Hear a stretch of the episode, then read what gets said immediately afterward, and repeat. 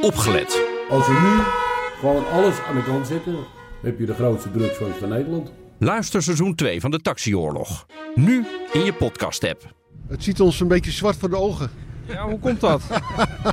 Maar dat komt door de zwartgelakte documenten die we allemaal te zien kregen.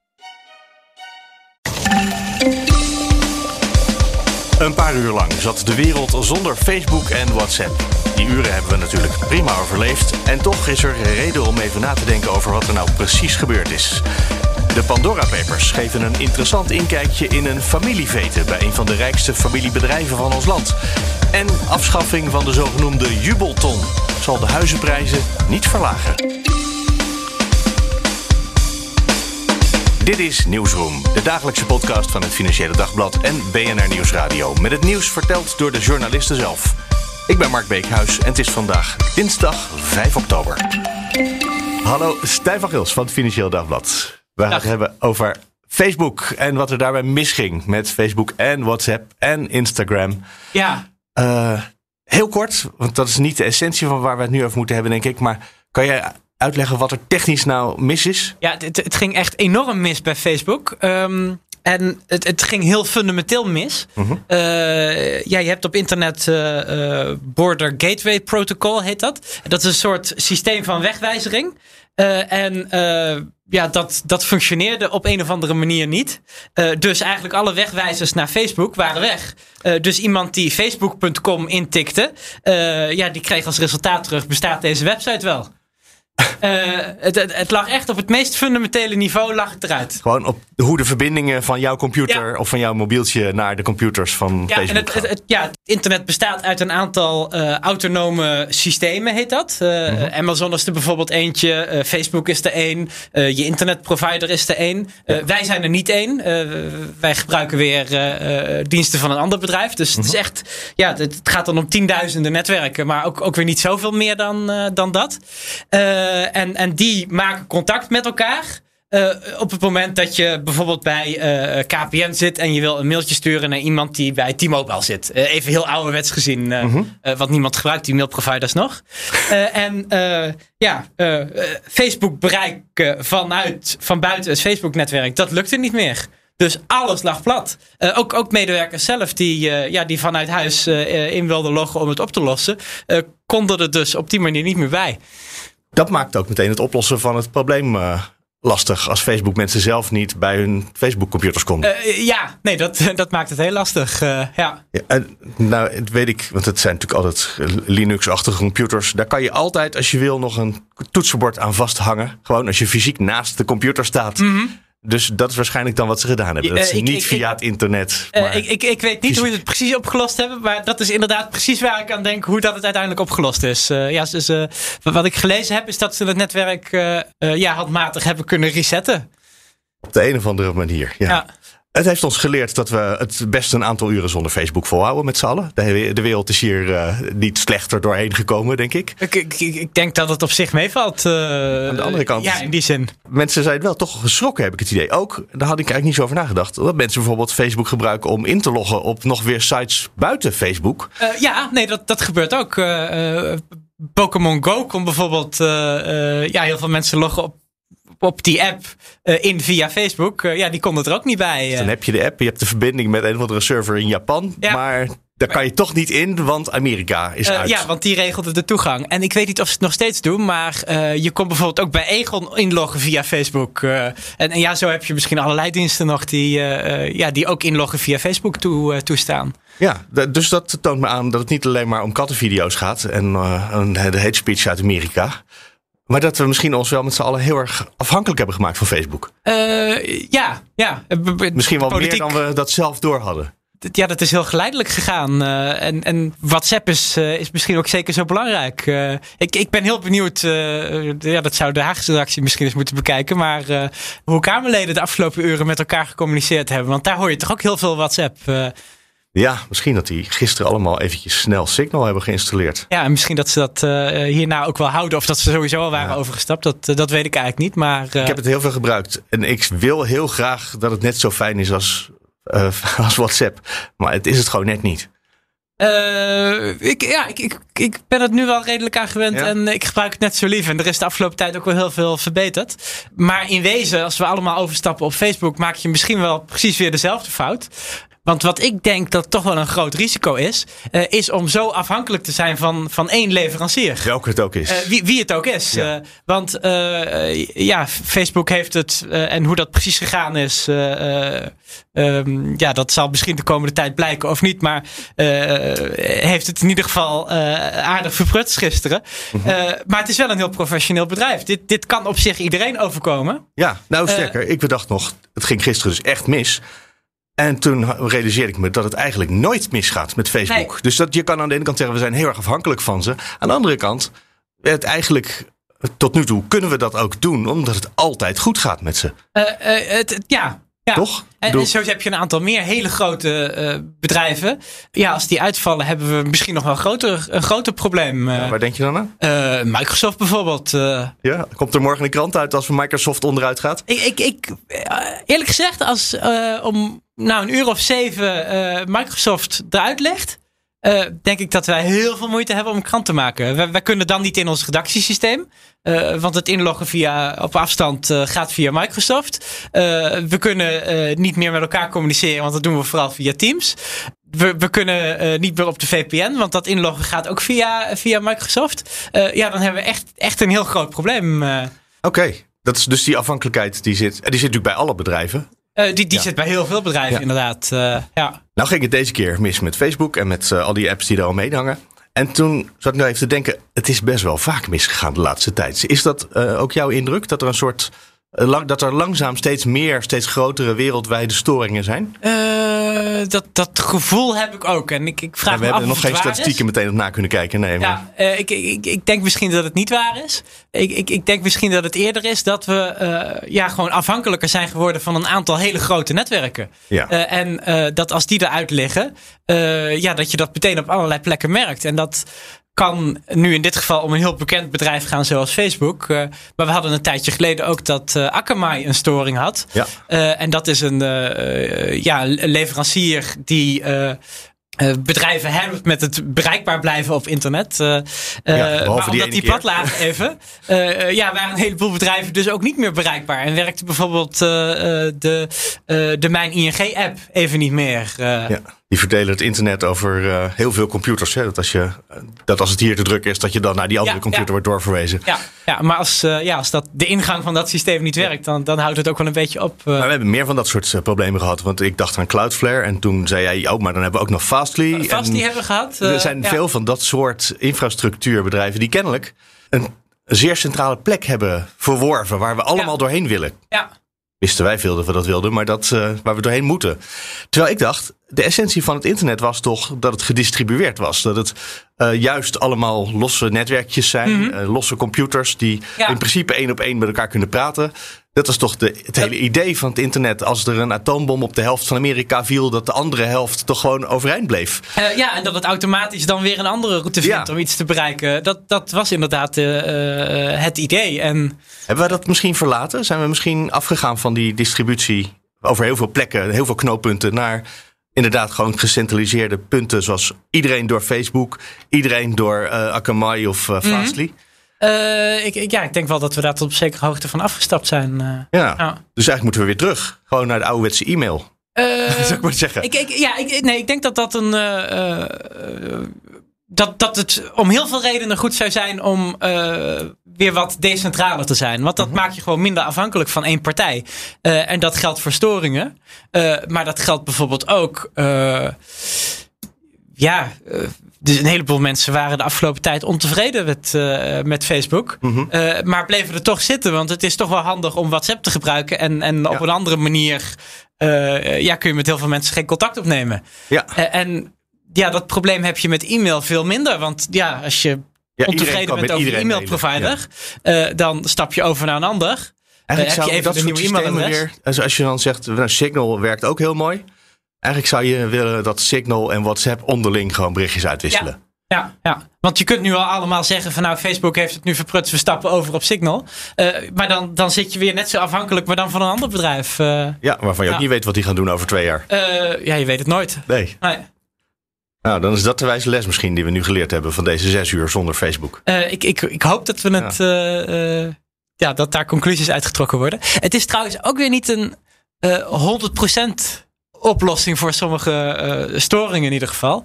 Want eh, ja, een van de redenen dat heel veel bedrijven bijvoorbeeld zijn overgestapt op eh, Akamai, ehm, is dat op het moment dat een bedrijf wordt aangevallen door een DDoS-aanval bijvoorbeeld, eh, ehm, ja, dan kan Akamai, die zijn groot genoeg, die kunnen dat opvangen. En die kunnen dat dan op allerlei plekken verdelen, zodat zo'n DDoS-aanval eigenlijk geen effect heeft. Ja. Ja, als die ja, al dat internetverkeer wat een DDoS-aanval is, eh, in één keer eh, eh, ja, op een klein, klein providertje is gericht, dan is het een heel stuk moeilijker. Ja, die grote infrastructuur die is er niet voor niks. ja, dan kun je er ook weer een decentrale oplossing en zo voor bedenken. Dat, het is op zich allemaal wel te doen. eh, Maar het is ook weer niet, niet zo gemakkelijk, wil ik maar zeggen. Nee, het is nooit makkelijk. Nee, Wat nee. dat betreft, Stijn van Gils, wordt het altijd... Moeten wij hier nog heel vaak over dit soort dingen praten. Dat, dat denk ik ook. Dankjewel voor nu. graag gedaan. Hallo Gabi de Groot en Johan Leupen van het Financieel Dagblad. Welkom terug van gisteren. Ja, gisteren hadden we natuurlijk het eerste verhaal van de Pandora Papers. Hoe is de impact de eerste 24 uur een beetje eh, gevallen? Ja, Gebeurd wat dat- er jullie dachten? Nou, nou ja, we hadden allerlei ideeën van, oh, en scenario's. Ja. Wat zou kunnen gebeuren. Ehm, wat is daar hadden, we, hadden we dit scenario eigenlijk bedacht? Nou, ik denk dat deze Haagse fallout wel over Wopke Ja. wel, wel eh, bijzonder heftig was. Groter dan jullie hadden gedacht. Ja, ja dat Den Haag Ja. toch wel over hem heen gevallen is eh, op deze manier. Dat hadden we misschien niet helemaal zo zien gebeuren. Maar Dat zondagavond eh, werkelijk alle media namen Mhm. over. Eh, overal eh, stonden we op eh, de eerste positie. Ja. NOS, nu.nl, teletext. Ehm, en ja, dat, dat doet natuurlijk iets. Ja, en gisteren hadden wij het in deze podcast over de vraag of de eh, bankiers, of daar nou iets mis is. En Ja. eigenlijk over Wopke Hoekstra hebben we een veel genuanceerder verhaal van, nou ja, het is Ja. wel bijzonder dat hij nog in zo'n eh, zo'n belastingconstructie te- terechtgekomen is Ja. na de Panama Papers. Maar verder, eh, ja, dat, dat er zijn heel veel andere mensen die dat ook doen. Ja, maar wij vinden eigenlijk dat de bankiers gewoon ronduit fout zitten. Ja. Met Bob Hoekstra waren we daar wat genuanceerder over. Vervolgens in de maalstroom van die, al die media die dat oppikken, gaat dat verloren. En eh er komt natuurlijk eh, met name bij dat Tom de Zwaan. Wie is Tom de Zwaan voor de mainstream media? Dat is, dat is niet een bekende naam. Nee. voor ons is dat een grote bankier. Zo'n Eh, en het boegbeeld ja. van ABN AMRO. Dus be- belangrijk. Maar Ja. Zeker de FD-lezer Ja. weet heus wel wie Tom de, Sma de Zwaan is. Ja, en die weet ook dat hij inmiddels afstand gedaan heeft van zijn aandelen. ja, Eh, dus dat is de man van de bank die gisteren nog geen commentaar wilde geven, toch? Want er viel nergens commentaar op te Nou, geven. Er was ja. niks aan de hand. dat zei de bank. Ja. Ja. ja. En, En, zelf ja, twee weken niks. later Ja. was het toch iets totaal anders. Eh, eh, excuses. eh, eh, ik, Past niet meer in deze past niet meer in tijdgeest. deze tijdgeest precies. Ja, gisteren nog wel. Dus de tijdgeest verandert snel. met de dag verandert hij. Ja. Maar voelen jullie nou verantwoordelijk voor wat eh, Hoekstra overkomen is? Want dat heb je natuurlijk toch samen met de collega's van Trouw Nou, en Investico eh, opgeroepen. Nee, want iedereen is eh, ten eerste verantwoordelijk voor zijn eigen publicatie. Ja, binnen het onderzoeksteam doen we het zo. We doen het onderzoek samen. Maar we schrijven niet dezelfde stukken. Nee. hebben we met de Panama Papers wel gedaan. Toen zijn we er ook om moverende redenen van afgestapt. Ehm, nee, iedereen is verantwoordelijk voor zijn eigen publicatie. En wij hadden al weken van tevoren zoiets van... nee, de banken, daar zit de pijn. Bij de- die bankencommissaris. de Omdat politieke daar- reacties, dat is natuurlijk nog weer de fase daarna.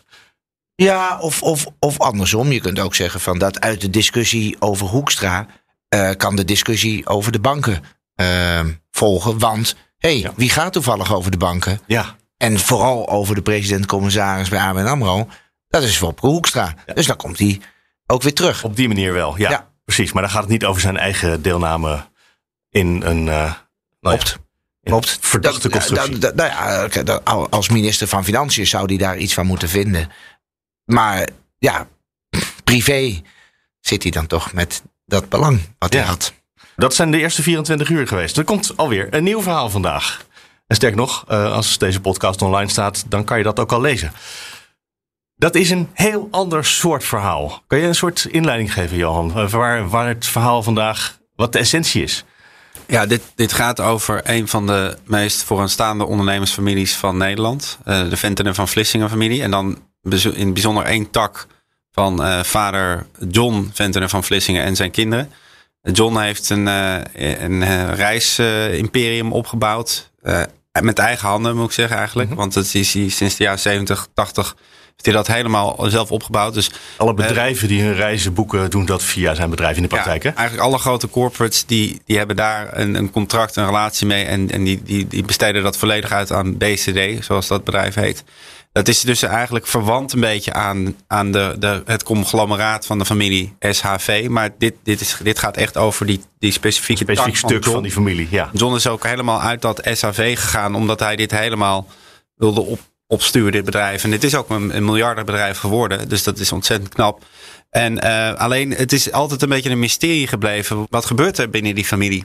En, uh, Want familiebedrijf, niet veel jaarverslagen en dat soort dingen. Geen hij, interviews. Hij, gaf, hij heeft, uh, af en toe geeft hij nog een interview. Uh, en bijvoorbeeld aan onze collega Richard Smit.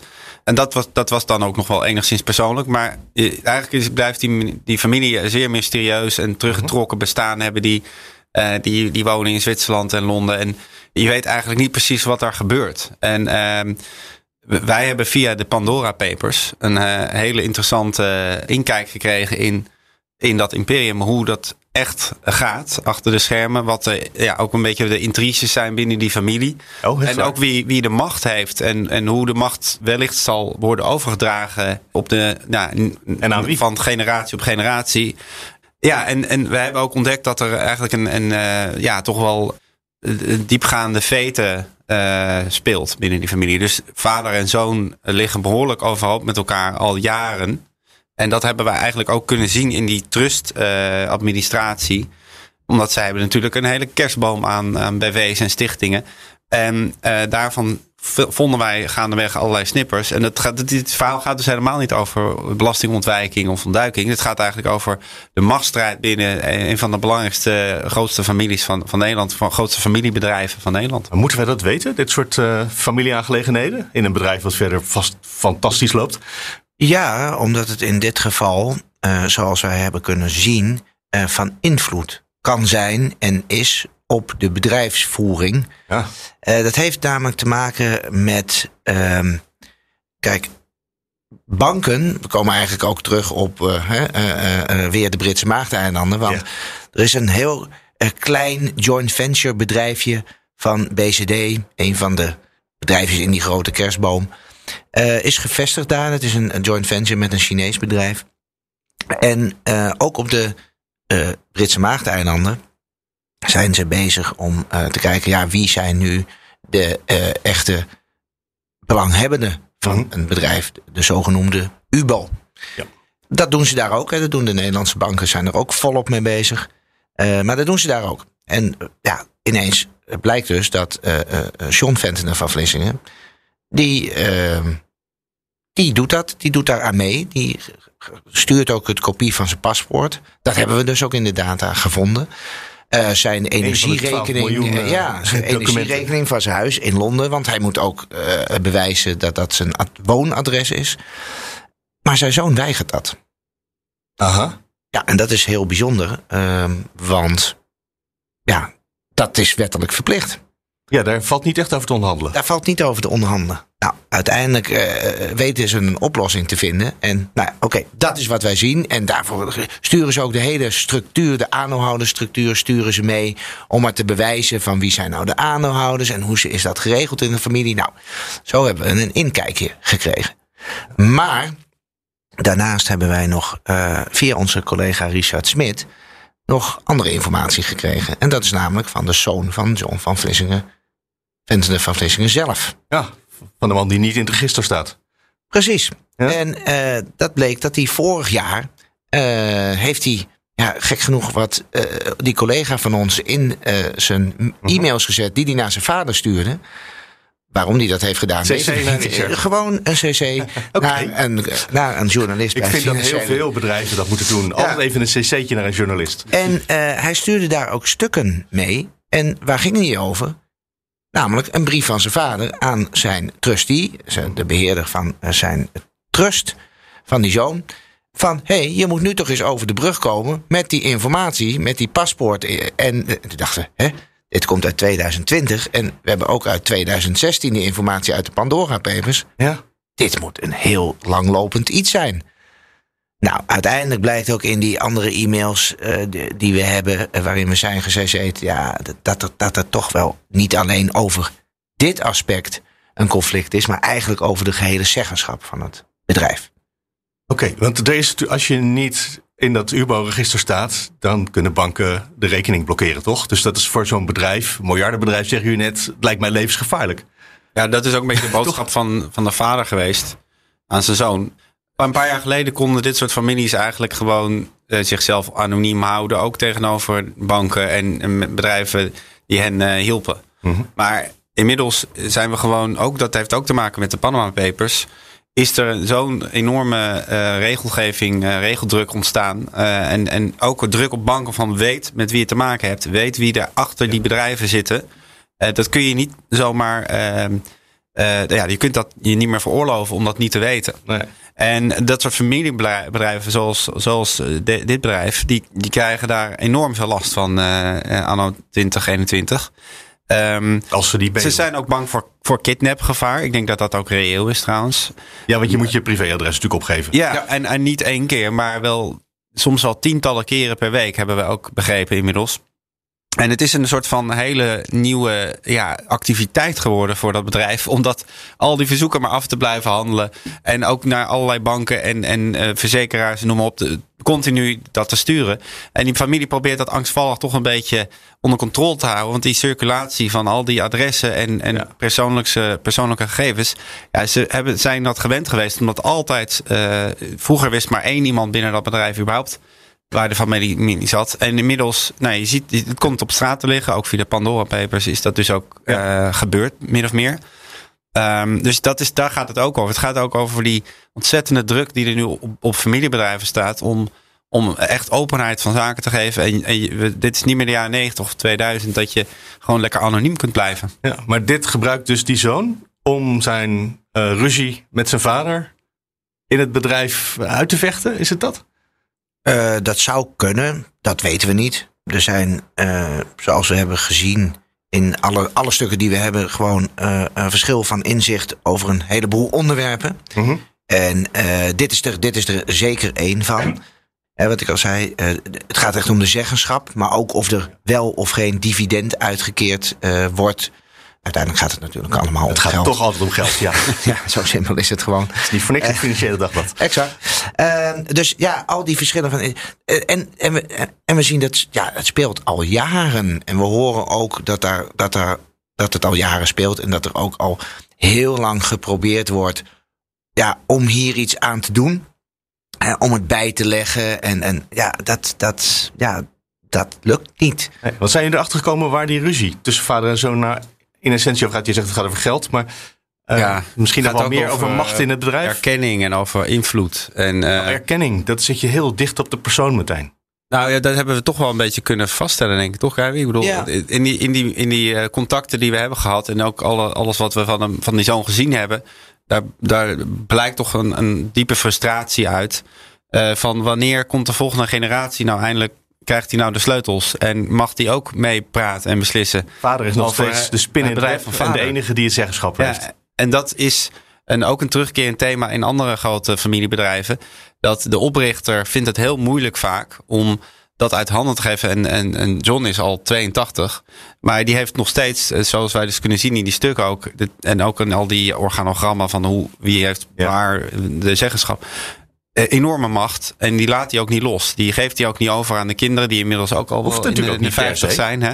Nee, want die kinderen, om even dat eh, uit te leggen. Die kinderen, eh, hij heeft drie kinderen. twee dochters en een zoon. Ehm, en die hebben alle drie al heel lang geleden, in de jaren tachtig... gewoon een derde van het bedrijf gekregen. Dus die zijn, hè, om het zo te zeggen, economisch eigenaar van het bedrijf. We hebben die hele structuur en dat is een hele kerstboom met, met, met, met stichting, administratiekantoren, eh, tussenholdings op Curaçao, eh, trust eh, op Jersey. Nou, het is een ongekende kerstboom. Maar als je dat goed bekijkt, dan zie je dat er bepaalde stichtingen zijn. Daar zitten dan prioriteitsaandelen in. Die hebben zeggenschap. En die hebben weer zeggenschap op specifieke onderwerpen. En ja, da, ja uiteindelijk is, is, is eigenlijk daar maar soms één bestuurder. En ja, dat is John Venten van Vlissingen nog steeds. Dus dit gaat eigenlijk over de vraag of de vader zijn zoon goed vertrouwt. Voor, met het bedrijf. Ja, en, en, en nou ja, zoals we van de zoon begrijpen, is dat niet het geval. Nee, nee, nee, precies. Daar zit die erkenning in.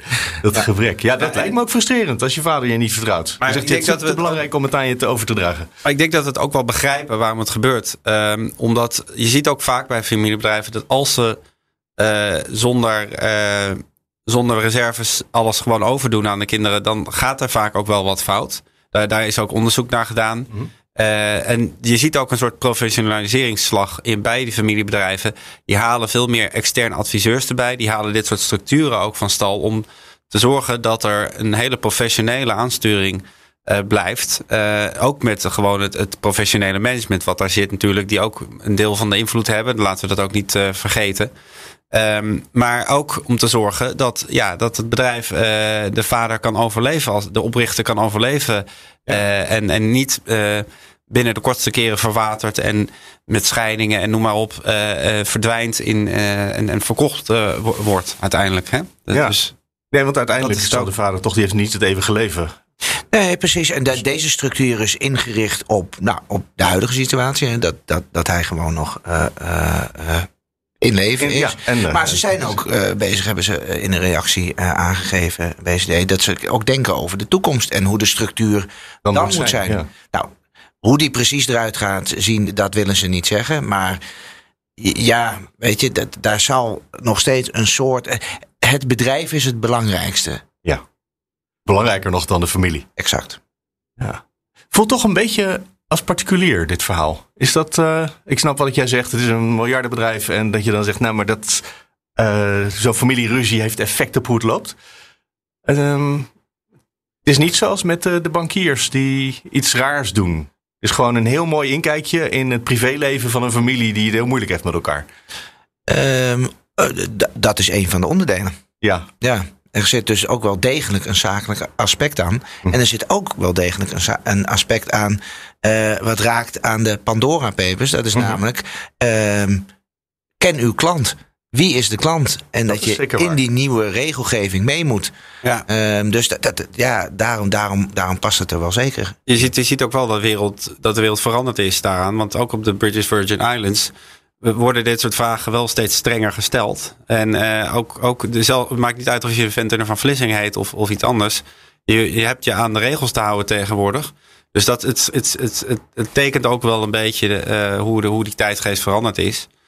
Um, en, maar, maar goed, uh, er zijn natuurlijk ook er zijn heel veel verhalen uit de Pandora Papers te halen. Daar zijn we ook mee bezig. Dit, dit is een ander soort thema ja. inderdaad dan, dan de bankiers en een belastingparadijs.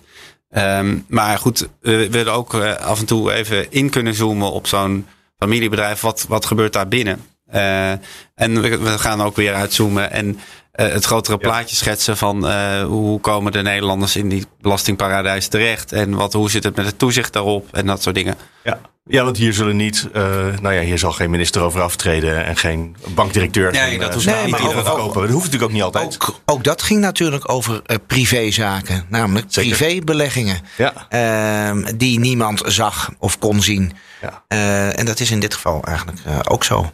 En dat gaat over moraliteit, denk ik. Ja. En dit gaat over vertrouwen en erkenning over van de zoon. Ja. Dankjewel weer, Johan Leupen, Kabit Groot. Hallo, Wesley Weerts van BNR. Hallo, Mark.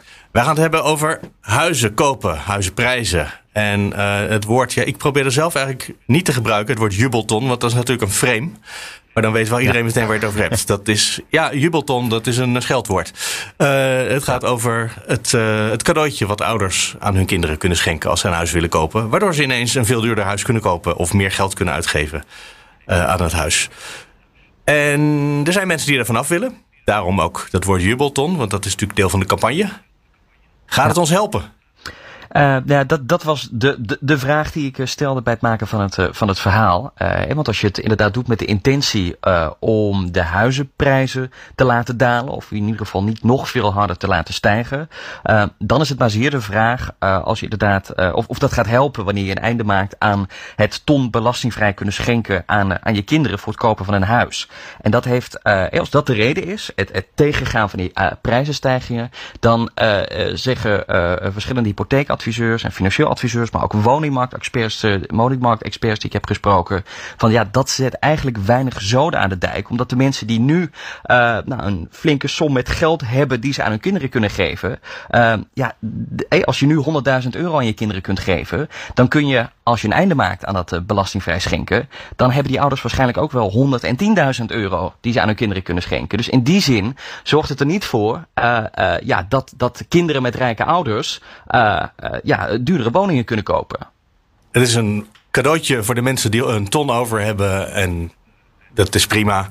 Maar alleen daarmee bereik je niet, als je dat afschaft, dat, dat het cadeautje niet dan voor iets meer geld wordt gegeven en overigens kun je ook minder schenken. Je hoeft niet altijd een, een ton te schenken natuurlijk. Dus je kunt ook minder geld schenken. Er zijn ook ouders die uh, 30.000, 40, 50.000 euro schenken. Uh, uh, maar ja, dat zijn ook eh, minder grote bedragen. Het gaat vooral inderdaad als je opeens een ton extra tot je beschikking hebt. Ja, dan, dan heb je wel echt een voorsprong als starter op andere starters.